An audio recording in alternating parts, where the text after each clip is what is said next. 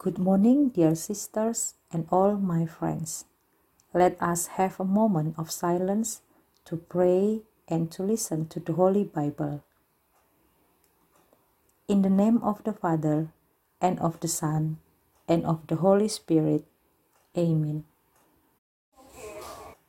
God of grace, we open our hearts, minds, and souls to worship to you. Thank you that today we dwell in your kingdom and live in your presence. Thank you that as we gather together, we join with all Christians across the world to glorify your holy name. Come be with us, inspire us, and lead us in our time together. We ask all this in the beautiful name of Jesus. Amen. The Lord be with you and also with you. A reading from the Holy Gospel according to Luke. Glory to you, Lord. Jesus said to the crowd, They will seize and persecute you. They will hand you over to the synagogues and to prisons, and they will have you led before kings and governors because of my name. It will lead to your giving testimony. Remember, you are not to prepare your defense beforehand, for I myself shall give you a wisdom in speaking that all your adversaries will be powerless to resist or refute. You will even be handed over by parents, brothers, relatives, and friends, and they will put some of you to death. You will be hated by all because of my name, but not a hair on your head will be destroyed. By your perseverance, you will secure your lives. This is the gospel of the Lord. Praise to you, Lord Jesus Christ.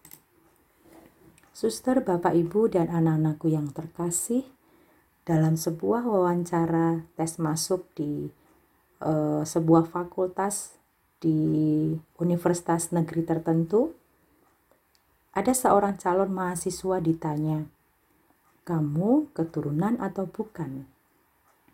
kamu agamanya apa?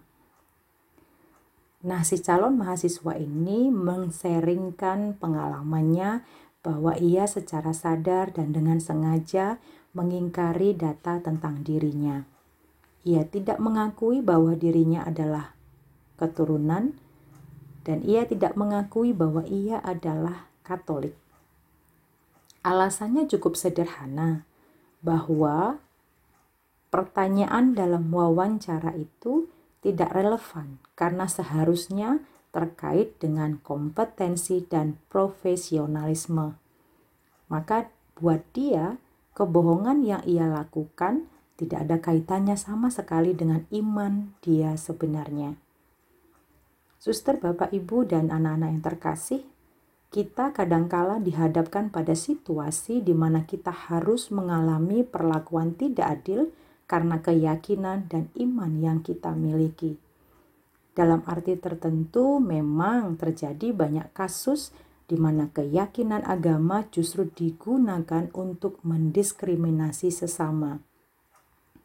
Itulah yang dimaksudkan oleh Yesus dalam Injil hari ini, bahwa ternyata menjadi pengikut Yesus memiliki konsekuensi-konsekuensi yang tidak mudah dalam hidup bermasyarakat.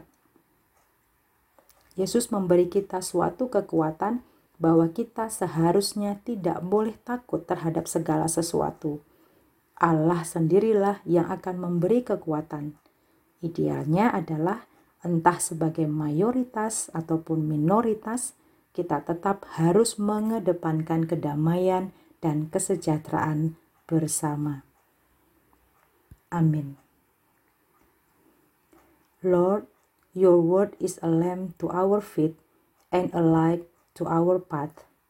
Thank you that we can live in your light and walk in your truth. May the things that you have revealed and thoughts that we have shared dwell in our hearts and stir us to action. We ask all this in the precious name of Jesus. Amen. In the name of the Father, and of the Son, and of the Holy Spirit. Amen.